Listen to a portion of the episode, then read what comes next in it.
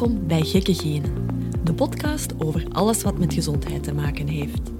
We hopen dat we jou met heldere en haalbare adviezen meer inzicht kunnen geven, zodat jij gemakkelijker de weg vindt naar een gezonder leven. Mijn naam is Sophie. In elke aflevering van deze podcast ga ik in gesprek met Wensel Top, klinisch bioloog en daarnaast ook mijn echtgenoot. Door zijn opleiding in laboratoriumgeneeskunde en verdere specialisatie in leefstijlgeneeskunde heeft hij een hele brede medische kennis. Hij kan de meest complexe onderwerpen op een begrijpelijke manier uitleggen. Vertelt over de nieuwste inzichten op medisch gebied en hoe je daar zelf je voordeel uit kan halen. Het idee van deze podcast is ontstaan vanuit de gesprekken die wij hebben aan tafel en waarvan ik dan denk: dit zou toch iedereen moeten weten?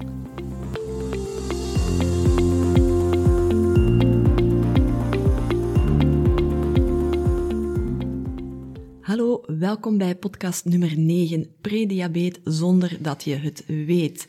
Bo, onze golden retriever, die is vandaag bij ons en zeer aanwezig. Dus als jullie geluiden horen in de achtergrond, dan weten jullie van waar die komen. Prediabeet zonder dat je het weet. Misschien moeten we eerst het probleem even schetsen. Naar schatting 1 op de 10 mensen leidt aan diabetes of suikerziekte, een metabole aandoening die gekenmerkt wordt door chronisch verhoogde bloedsuikerwaarden. Dat cijfer dat blijft langzaam stijgen, vooral in de Verenigde Staten, India en China, maar ook bij ons. Het is een beetje onbegrijpelijk, maar voor België zijn er dus geen officiële cijfers bij Cienzano bekend. Wat we weten is dat het aantal diabetici in België gestegen is van 5,1 naar 6,1 procent tussen 2008 en 2017. Wel, er zijn gelukkig wel recentere cijfers. De Diabetes Liga heeft uh, deze week nog aan de alarmbel getrokken. En ze hebben gezegd van ja, naar schatting 1,14 miljoen Belgen heeft te kampen met uh, type 2 diabetes. Dat is dus 10% ongeveer van de bevolking. En dat is een cijfer dat dan overeenkomt met de rest van de wereld. Maar wat nog verontrustender is, is dat ongeveer een derde van die mensen, en dan ga ik het toch over 300, 350.000 uh, mensen, weten niet dat ze aan type 2 diabetes lijden. Is dat dan niet gevaarlijk, daar zo mee rondlopen zonder het te weten? Wel, dat is heel gevaarlijk, want de complicaties zijn niet min. Hè. Dus de voornaamste die zijn gelinkt aan een geleidelijk aantasten van de bloedvaten wat eh, binnen een periode van vijf tot tien jaar kan leiden tot een, een blokkeren van de nieren, problemen met de wondheling, dus denk maar aan de diabetesvoet. Je kan blind worden, eh, hoge bloeddruk ontwikkelen met een verhoogd risico op hartproblemen. Maar mensen met diabetes hebben ook een verhoogd risico om bijvoorbeeld de ziekte van Alzheimer te ontwikkelen, oh ja. omdat ook de zenuwbanen eh, geleidelijk aan beschadigd geraken. En gezien dus die ernstige complicaties, is het toch echt wel belangrijk dat uh, mensen die lijden aan diabetes, dat dat tijdig vastgesteld wordt, als ze dat weten, dat die goed behandeld worden en goed opgevolgd worden. Maar wat nog belangrijker is, is dat de meerderheid van die diabetespatiënten, 90%, dus 9 op de 10, wel dat gaat over een type 2 diabetes. Mm -hmm. En dat is een type dat uh, nagenoeg volledig veroorzaakt wordt door een ongezonde leefstijl. Dus gewoon met een gezonde leefstijl zouden we dat kunnen vermijden. Zo is dat. Oké, okay, we gaan daar zeker nog op terugkomen, maar ondanks dat het te vermijden is, zien we dat er enorm veel mensen aan diabetes lijden. Hoe komt dat? Je wordt toch niet van de ene op de andere dag een diabetes type 2 patiënt? Wel, dat is de vraag die we in deze podcast gaan beantwoorden. Um, maar voordat we dat gaan doen, zullen we eerst wat uitleg geven over het basismetabolisme. Omdat diabetes is toch een metabole aandoening. En het toch belangrijk is dat we goed begrijpen waar het dan precies fout loopt uh, als je diabetes hebt. Dus het lichaam heeft energie nodig en we maken daarvoor gebruik van verschillende energiebronnen uh, die in onze voeding aanwezig zijn. Dat zijn macronutriënten, koolhydraten, vetten, eiwitten. En het zijn vooral die koolhydraten die uh, een goede bron zijn voor het lichaam, voor onze onmiddellijke energienood. Die koolhydraten nemen wij op, die worden afgebroken in de darm tot kleinere uh, suikermoleculetjes. Die komen zo in onze bloedbaan terecht en van daaruit kunnen die naar alle cellen in ons lichaam uh, rondgestuurd worden. Mm -hmm. En kunnen die opgenomen worden in de cellen en kunnen zo omgezet worden naar energie. Maar het probleem is dat dat suiker dat uh, uit de voeding komt en dat in de bloedbaan uh, rondcirculeert, dat geraakt niet vanzelf de cel binnen.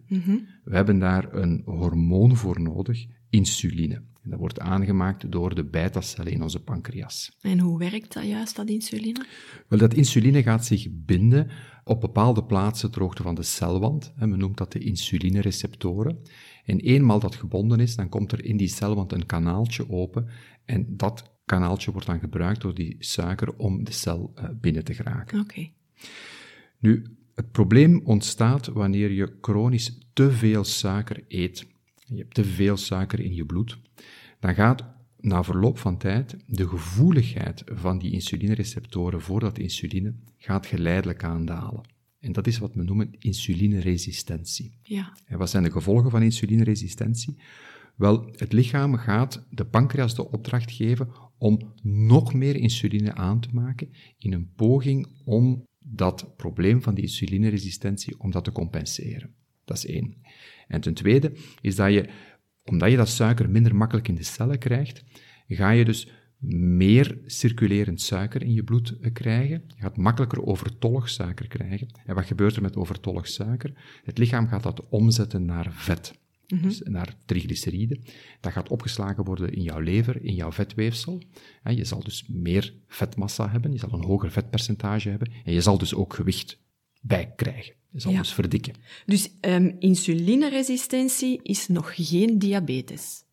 Nee, maar insulineresistentie moet je wel beschouwen als zijnde een vroeg stadium van diabetes. Want dus bij insulineresistentie gaan jouw beta-cellen in jouw pancreas als het ware overuren moeten draaien. Dus die gaan heel actief worden, waardoor dat die dus meer insuline gaan aanmaken, en waarbij dat de bloedsuikerwaarden nog min of meer normaal blijven. Maar het lichaam kan dat niet volhouden. Op een gegeven moment gaan die beta-cellen uitgeput geraken en gaan die geleidelijk aan minder insuline beginnen aanmaken, zodanig dat die bloedsuikerwaarden verder oplopen. Dus het verschil tussen insulineresistentie en diabetes is, bij insulineresistentie heb je hoge insulinewaarden en vaak nog normale bloedsuikerwaarden, terwijl bij diabetes heb je lage insulinewaarden en je maakt niet voldoende insuline meer aan en heb je als een gevolg daarvan altijd verhoogde bloedsuikerwaarden. Ja, er wordt gesproken over prediabetes ook, net zoals wij in de titel eh, doen. Hoe moeten we dat bekijken in deze context? Wel, het hangt er een beetje vanaf welke bronnen dat je raadpleegt. Dus, maar soms wordt insulineresistentie en prediabetes gelijk ges- geschakeld aan elkaar. Beschouwt men dat als synoniemen. Ik beschouw prediabetes als een soort van tussenstadium tussen insulineresistentie en tussen diabetes. Dus bij insulineresistentie heb je veel insuline en normaal bloedsuikerwaarden.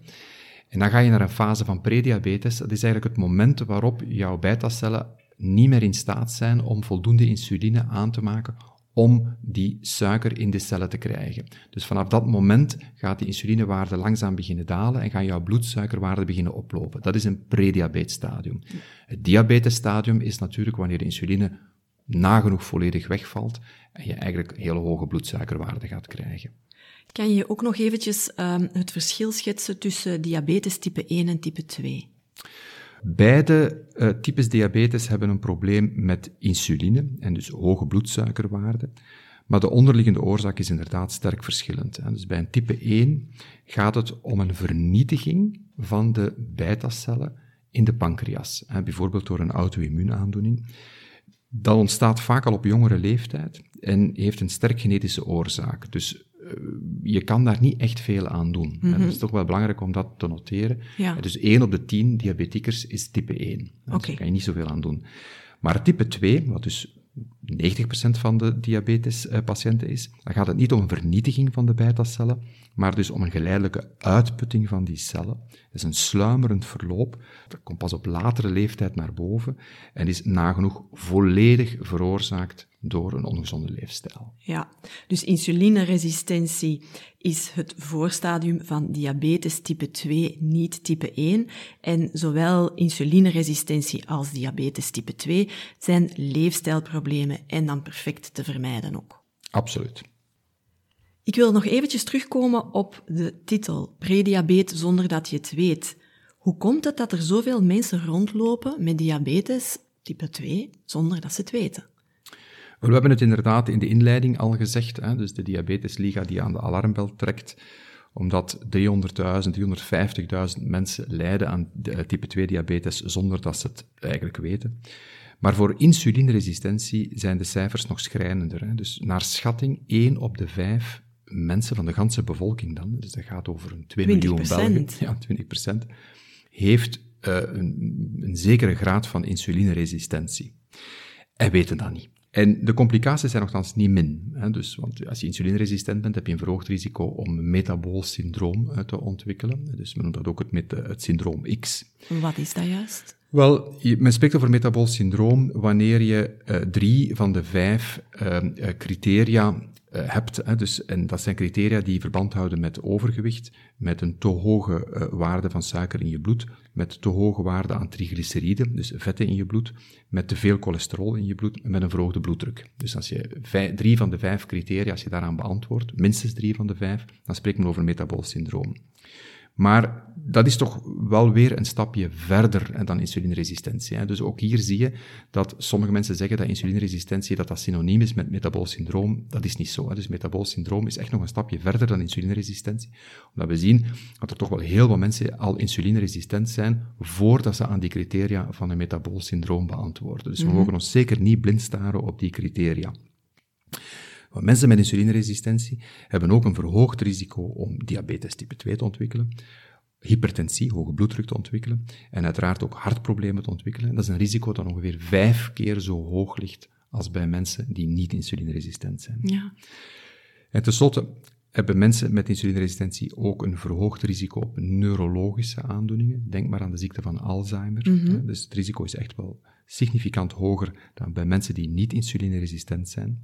En dat heeft natuurlijk ook te maken dus met het feit, de hersenen, die hangen voor hun energie nagenoeg 100% af van de hoeveelheid circulerend suiker.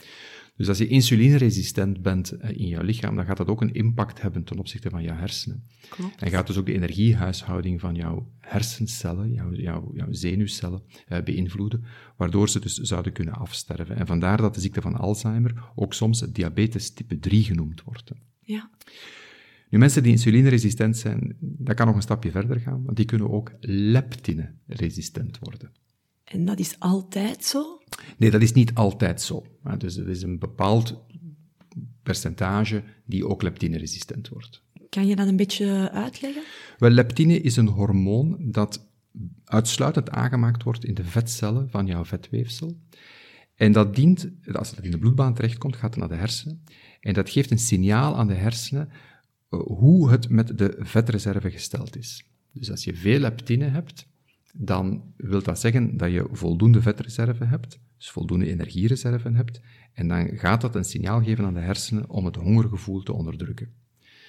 Nu, mensen die insulineresistent zijn, of een bepaald percentage daarvan, die gaan niet alleen een ongevoeligheid krijgen van de insulinereceptoren voor insuline, maar ook ter hoogte van de hersenen gaan de receptoren ongevoeliger worden voor dat leptine. Mhm. Waardoor dat je, ondanks het feit dat je veel leptine hebt, dus veel vetweefsel hebt, het hongergevoel niet meer gaat onderdrukken. En dat zijn dus mensen die blijven eten. Die hebben altijd honger. Die hebben altijd honger. En dus dat maakt dat dat percentage van die mensen die leptine-resistent zijn, dus heel gemakkelijk van een overgewicht, dus van een BMI tussen 25 en 30, echt gaan evolueren naar een obesitas, dus naar een BMI groter dan 30. Dat zijn typisch de leptine-resistente mensen. Nu, typisch van al die gevolgen van insulineresistentie is dat dat al een sluimerend verloop kent, zonder dat je daar eigenlijk veel klachten van ondervindt.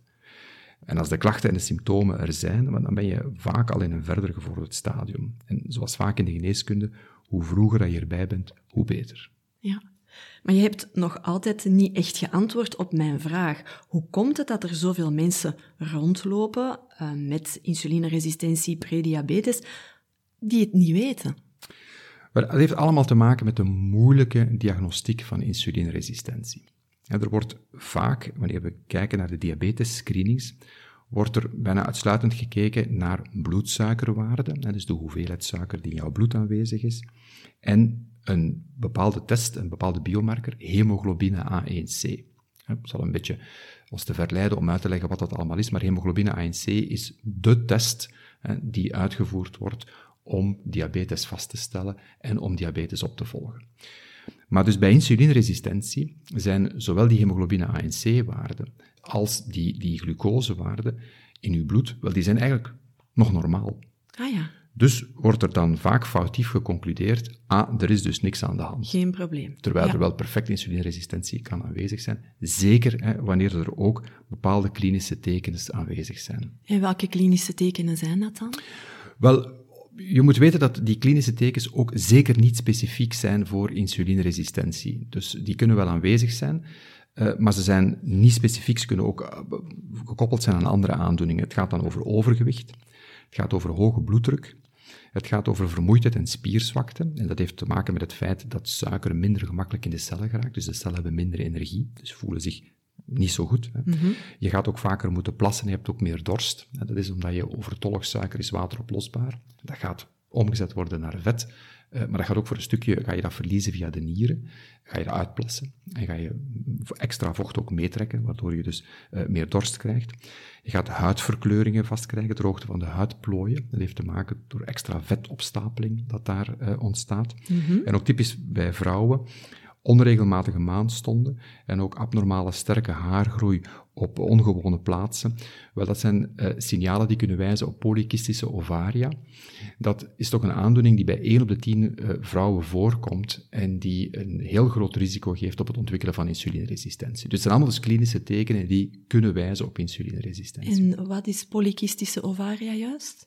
Uh, Polykystische ovaria is een, een aandoening dus waarbij dat, uh, de vrouwen kistjes krijgen op hun eierstokken en eigenlijk ook een ongewone hoeveelheid androgenen, dus mannelijke uh, geslachtshormonen, beginnen aan te maken. Ja. Waardoor heel hun hormoonhuishouding uh, verstoord geraakt, maar ook hun energiehuishouding verstoord geraakt. Oké. Okay.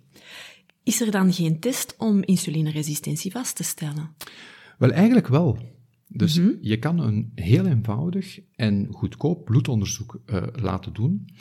Maar je moet dus naar meerdere testen kijken dan alleen naar bloedsuikerwaarden. Je moet ook naar insuline kijken, je moet naar triglyceriden kijken, je moet naar cholesterol kijken, je moet naar gamma-glutamyltransferase kijken. En je moet niet alleen naar meer testen kijken, maar je moet ook op een andere manier naar die resultaten leren kijken. Dus, en bij de meeste klinische labo's of de meeste bloedonderzoeken doen dat niet. Ja, dus die beperken zich tot de klassieke. klassieke testen en klassieke referentiewaarden. En dat is de reden waarom dat we FitLab opgericht hebben. Dus FitLab heeft zo'n bloedonderzoek ontwikkeld, waarbij al die testen gedaan worden en waarbij die testen op een bepaalde manier met elkaar vergeleken worden en op die manier een veel beter voorspellende waarde gaan uh, geven op het risico voor insulineresistentie. Dus het is dat type bloedonderzoek dat je moet doen als je dat echt wil weten. Is dat duur? Nee, het is absoluut niet duur. Dus het kost u 20 euro, 25 euro, niet meer. Oké. Okay. Um, dus om insulineresistentie sneller te detecteren, gaan we meer moeten screenen en daarnaast ook op een andere manier naar die bloedresultaten kijken. Zeker bij mensen met risicofactoren. Juist. Wat zijn die risicofactoren? Wel, er zijn er twee. Hè, dus dat is overgewicht en dat is een verstoring van uh, dat ecologisch evenwicht in jouw darm. En dat zijn twee, wat mij betreft, belangrijkste risicofactoren uh, om insulineresistentie te ontwikkelen. Overgewicht, wel, uh, je moet daarmee opletten, want er moet geen overgewicht zijn. Hè, dus je kan insulineresistent zijn zonder dat je overgewicht hebt. Mm -hmm. En dat komt meer voor dan dat we denken. Dus okay. dat is één. En twee, ook omgekeerd, het is niet omdat je overgewicht hebt, dat je daarvoor automatisch insulineresistentie hebt. En dus er wordt al eens een onderscheid gemaakt tussen wat men noemt een metabole gezonde en een metabole ongezonde vorm van overgewicht. En bij een metabole gezonde vorm van overgewicht, dat is een beetje een contradictio in terminis, hè, um, zien we inderdaad dat dat mensen zijn die toch minder gezondheidsrisico's hebben dan mensen met een metabole ongezonde vorm van overgewicht. En dan wordt er soms wel een keer afgedaan. Ik hoor dat nog wel eens van mijn collega-artsen die dan zeggen van, wow, één op de vijf mensen heeft een overgewicht en heeft daar nooit geen last van. Mm -hmm. Wel, ik wil dat toch eventjes nuanceren. Hè. Dus dat klopt dat er een aantal mensen zijn die daar minder last van hebben. Maar het gaat toch wel over een soort van tussenfase. En dus de mensen ja. die een metabole, zogezegd gezonde vorm van overgewicht hebben, zien we toch wel dat je op termijn, als je daar niks aan doet, toch gaan evolueren naar een metabole ongezonde ja, vorm. Het is geen vrijgeleide om zomaar... Het is geen vrijgeleide, dus, dus er is no such thing as a free ride. Hè. Dus we hebben dat nogal eens gezegd in de podcast. Um, je moet er iets aan doen. op de occasionele uitzondering na. Er zijn altijd wel uitzonderingen die daar nooit geen last van gaan hebben, maar dat zijn echt uitzonderingen. Ja. Een tweede risicofactor is dus die gezondheid van jouw darm. Dus wanneer dat, dat ecologisch evenwicht in jouw darm uh, verstoord is, dan spreekt men dus van dysbiose. En dus de belangrijkste oorzaken uh, om uh, een dysbiose te krijgen zijn ongezonde voeding, mensen die echt altijd ongezond eten, en twee, chronische stress. Dat niet mhm. genoeg benadrukken. Dus chronische stress veroorzaakt dysbiose en dan alle gevolgen van dien. En wat is de link tussen dysbiose en tussen insulineresistentie? Wel, dysbiose zorgt ervoor dat je minder makkelijk je vet uit je lichaam kan afvoeren. Want vet is niet wateroplosbaar, dus je hebt daar galzuren voor nodig om die te kunnen emulgeren en zo op die manier af te voeren uit het lichaam. En het darmmicrobioom is uh, mee samen met de gal verantwoordelijk voor die galzuren. Wanneer je dysbiotisch bent, gaat dat proces verstoord worden, waardoor je minder makkelijk vet uit het lichaam kan afvoeren. Er blijft dus meer vet achter in het lichaam, dus dat extra vet ga je beginnen opslagen ter hoogte van de lever, ter hoogte van het vetweefsel. En het is vooral ter hoogte van de buikholte dat je dat vet gaat opslaan. Dus we noemen dat dus mhm. abdominaal vet, visceraal vet of buikvet. En we weten, het is dat type vet dat echt wel gekoppeld is aan een verhoogd risico op het ontwikkelen van insulineresistentie. Een verhoogd risico op allerlei andere aandoeningen, zoals diabetes en hart- en, en, en. Dus veel meer dan het vet dat je droogte van de dijen en droogte van de billen opslaat. Ja. En een laatste gevolg van dysbiose is dat je... Dysbiose geeft een signaal aan de hersenen om nog meer ongezond te gaan eten. Je gaat verantwoordelijk zijn voor die junkfood cravings. Dat vind ik straf. Hoe kan dat nu? Wel, dat heeft eigenlijk een beetje te maken met een zelfbehoud van die slechte bacteriën die in je darm zitten. Die hebben er geen belang bij dat je ah, plots gezond gaat beginnen eten. Dus die gaan een signaal geven aan de hersenen om junkfood te craven, zodanig dat je ongezond blijft eten en dat zij, die slechte bacteriën, rustig kunnen blijven verder gedijen in de darm. Het is, klinkt uh, science fiction, maar het is effectief wel zo. zo. Ja, dus dysbiose is minstens voor een deel verantwoordelijk voor de junkfood cravings. Dat is bijzonder. Um, dus samengevat, uh, de belangrijkste risicofactoren voor insulineresistentie zijn overgewicht, ongezonde eetgewoonten en chronische stress. Dan denk ik dat het weer altijd is voor de podcasttips. Wat kunnen we daaraan ja, doen? We hebben er twee. Hè. Dus één, als je, een, als je risicofactoren hebt, hè, wel, laat je dan toch tijdig testen. Uh, en gebruik dan ook de juiste bloedtest daarvoor. Ja, als je al in de fase van insulineresistentie zit, kan je dat dan nog omkeren? Wel, aanpassingen in de leefstijl kunnen niet alleen insulineresistentie volledig omkeren, maar zelfs in veel gevallen ook diabetes type 2. Volledig? Ja. Want als je aan diabetes type 2 lijdt en er heeft nog niemand tegen jou gezegd dat je dat zou kunnen omkeren door de leefstijl aan te passen, wel dan ben je niet goed geïnformeerd. Oké, wat kan je dan concreet doen? Wel, ik heb vier puntjes. Eén, minder eten. Je moet toch wel wat gewicht verliezen, maar het is niet, niet, zo, niet zozeer het gewicht dat je moet verliezen, je moet vooral vetmassa verliezen. Al gaan de twee natuurlijk vaak uh, samen.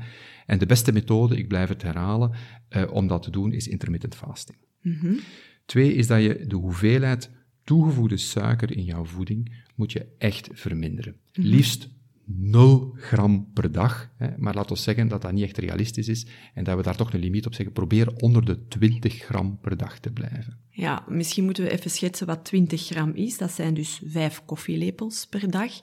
En een blikje cola, daar zitten al 8 koffielepels in. Ja, maar dus liefst minder zelfs nog dan die 5 koffielepels per dag. Het derde puntje is, je moet echt dagelijks gaan bewegen. Dus sporten is belangrijk, maar het gaat u niet zozeer om sporten, het gaat hem gewoon om bewegen, wandelen, in beweging zijn, tuinieren. Elke dag minstens anderhalf uur. En liefst meer zelfs. Ja. Dus het werkt zeer goed uh, voor insulineresistentie. En dan is er nog een laatste puntje. Dat is, het gaat dan medicatie en supplementen. Um, wanneer je type 2 diabetes hebt, dan zal je heel vaak metformine uh, voorgeschreven krijgen. Maar wanneer je insulineresistent bent, dan kan je eigenlijk ook al iets gaan doen, hè, want er bestaat een natuurlijk alternatief voor die metformine, en dat is berberine. Dat is een, een fytonutriënt afkomstig uit de wortel van de berberisplant. En dat werkt eigenlijk hetzelfde als metformine. En wat doen deze producten juist? Wel, die gaan de gevoeligheid van die receptoren voor het insuline verbeteren, dus waardoor je je insulineresistentie kan behandelen. Maar ze hebben ook een gunstig effect op het darmmicrobioom, waardoor ze dus het risicofactor van dysbiose ook gaan verminderen. En zeker dus bij insulineresistentie kan je dus berberine gaan gebruiken in een dosis van 500 milligram per dag. Uh, je kan het zelfs verhogen uh, gedurende de eerste fase naar twee keer tot drie keer 500 milligram per dag, mm -hmm. om dan naar een onderhoudsdosis te gaan van 500 milligram per dag. Dat waren ze? Dat waren ze. Goed.